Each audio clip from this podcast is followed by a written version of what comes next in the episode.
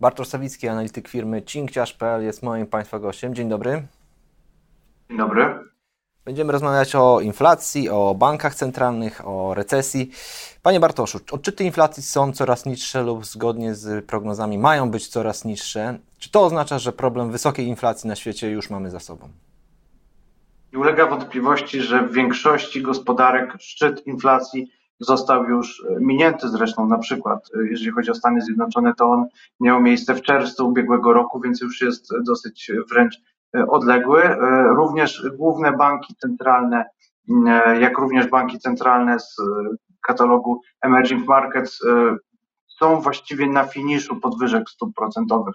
W przypadku e, rezerwy federalnej czeka nas e, moim zdaniem jedna podwyżka, w przypadku e, Europejskiego Banku Centralnego dwie podwyżki. Bank Anglii moim zdaniem zakończył już cykl podwyżek, podobnie Bank Kanady. Mm, mimo to cały czas nie możemy powiedzieć oczywiście, że wojna z inflacją jest wygrana i, i tutaj mm, na pewno jeszcze bardzo dużo jest do zrobienia, czyli innymi słowy banki centralne może e, nie będą musiały już podnosić stóp procentowych, natomiast e, prawdopodobnie przez bardzo długi czas będą musiały je utrzymywać na podwyższonym e, poziomie.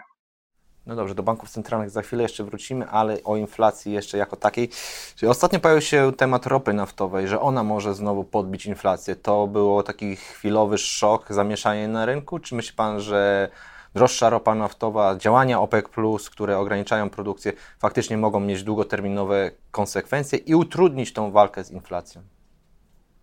Ja interpretuję to w taki sposób, że mm, państwa wydobywające mm, ropę naftową, sygnatariusze porozumienia OPEC, e, pokazały dobitnie, że nie będą chciały tolerować ceny ropy naftowej e, poniżej 80 e, dolarów za baryłkę. I to nie zmienia moim zdaniem jakoś bardzo perspektyw inflacji, jedynie w tym sensie, że no w marcu część obserwatorów mogła liczyć, że spadające ceny ropy naftowej mogą przełożyć się jako taki dodatkowy impuls do tego, żeby inflacja jeszcze szybciej wygasała, żeby inflacja szybciej wygasała. No i wydaje się, że to się po prostu nie spełni. To znaczy, ceny ropy naftowej nie będą takim dodatkowym bodźcem do tego, żeby dezinflacja na całym świecie postępowała mm, szybciej. W przypadku polskiej gospodarki nie spodziewam się jednak, żeby e, to był czynnik, który jakoś mocno podniesie mm, ścieżkę inflacji w tym roku. Zakładam, że to będzie mniej niż pół punktu e, procentowego. E,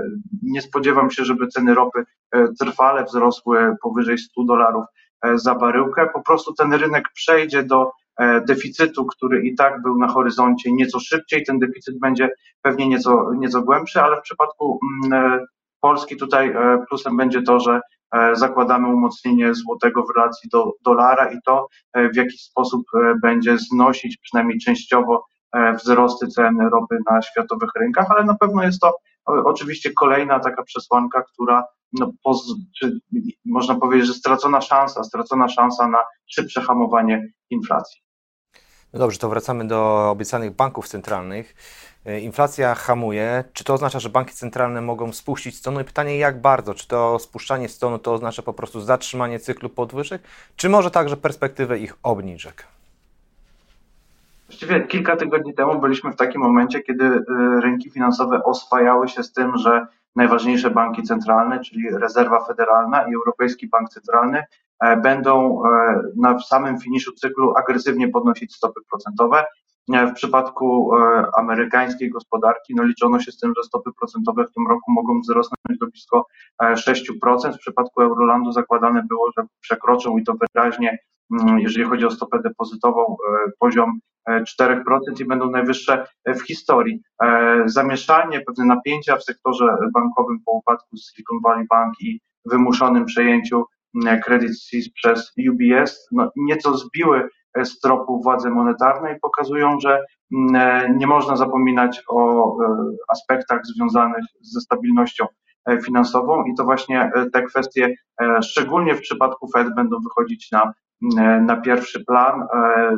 Wydaje się, że to właśnie rezerwa federalna jako ten bank centralny, który odpowiada za politykę pieniężną w miejscu, gdzie jakby powstał ten kryzys bankowy, gdzie było jego zarzewie tego mini kryzysu bankowego, bo nie spodziewam się pełnoprawnego kryzysu finansowego, który miałby rozwinąć się mm, z tych turbulencji w sektorze bankowym, dosyć mocno spuszczą stonu i dokonają tylko jednej podwyżki w maju, finalizując cykl. Właściwie tam, gdzie zakładano to jeszcze kilka miesięcy temu, na koniec 2022 roku, czyli ze stopami procentowymi w przedziale tuż powyżej 5%. No dobrze, a perspektywa obniżek stóp to przyszły rok?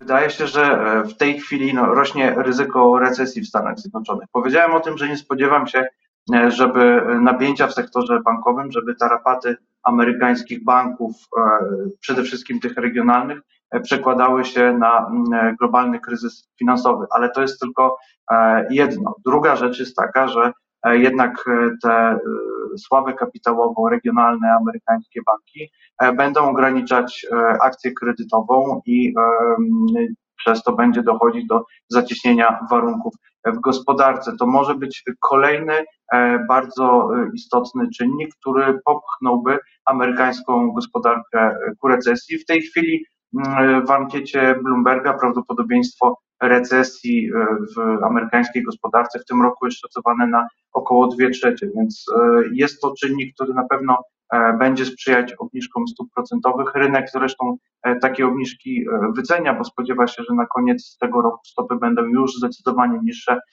niż obecnie. Natomiast no tutaj oczywiście wszystko będzie zależeć od uporczywości tej presji inflacyjnej, którą widzimy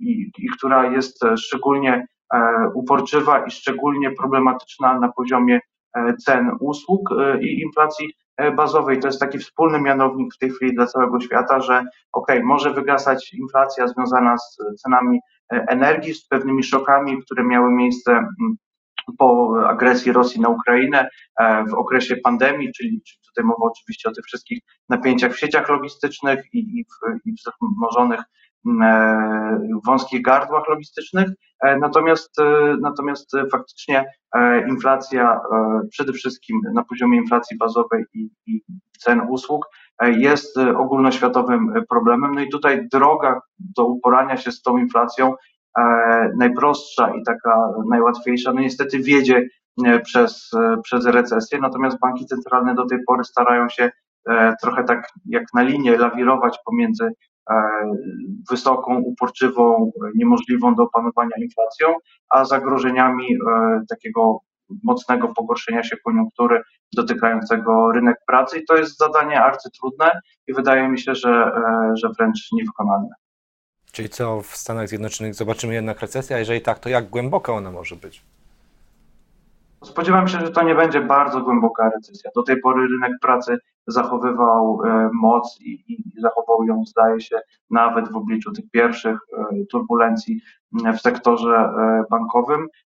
Cały czas rosnące w przyzwoitym tempie zatrudnienie, liczba wakatów, która spada, ale wciąż wynosi około 10 milionów nieobsadzonych miejsc pracy, to są takie uwarunkowania, które no na pewno nie ułatwiają walki z inflacją, ale które również sprawiają, że konsument powinien stosunkowo dobrze poradzić sobie mm, z jakimkolwiek e, spowolnieniem, które wydaje się w tej chwili e, oczywiście e, nieuniknione.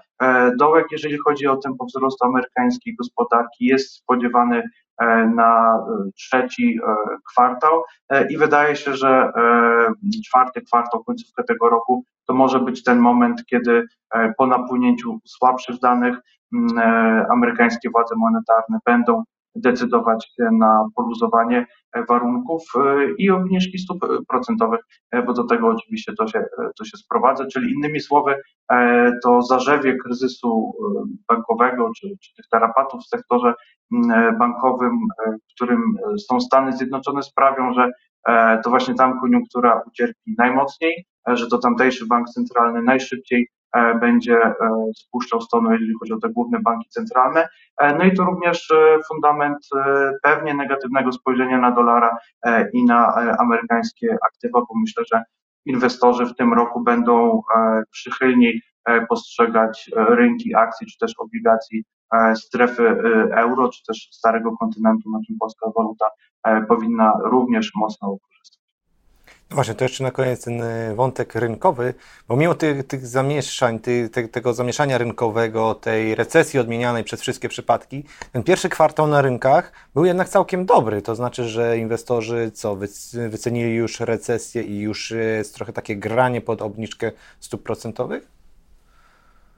Inwestorzy w pierwszym kwartale tego roku musieli wycenić właściwie wszystko. Mieliśmy e, rok, który rozpoczął się od, od obaw o kondycji amerykańskiej gospodarki. E, później, po napłynięciu fantastycznych danych z rynku pracy, e, inwestorzy szykowali się na ostre podwyżki stóp procentowych przez, przez Fed i tego się obawiali. Później mieliśmy oczywiście strach przed kryzysem e, bankowym i rozlewaniem się tarapatów z Silicon Valley Bank na kolejne instytucje finansowe. No a na przełomie e, poprzedniego i właśnie rozpoczynającego się kwartału OPEC Plus ograniczył wydobycie ropy naftowej, czyli tych czynników, na które rynki musiały się przygotować jest bardzo, bardzo mm, dużo i wydaje mi się, że inwestorzy tutaj wycenili, może nawet nie tyle wycenili zagrożenia, co na razie w dużej mierze stoją z boku i będą e, patrzeć, jak sytuacja e, będzie się rozwijać, no ale e, to, co już wspomniałem, wydaje mi się być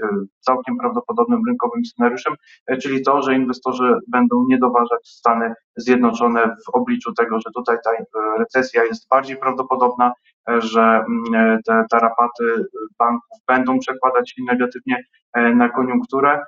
Europa, która korzysta E, w tej chwili na niskich cenach e, surowców energetycznych, a lada moment powinna również mocniej niż Stany Zjednoczone zacząć korzystać na e, znoszeniu pandemicznych restrykcji w Chinach, pewnie będzie się jawić jako taki atrakcyjniejszy, atrakcyjniejsze miejsce do lokowania kapitału.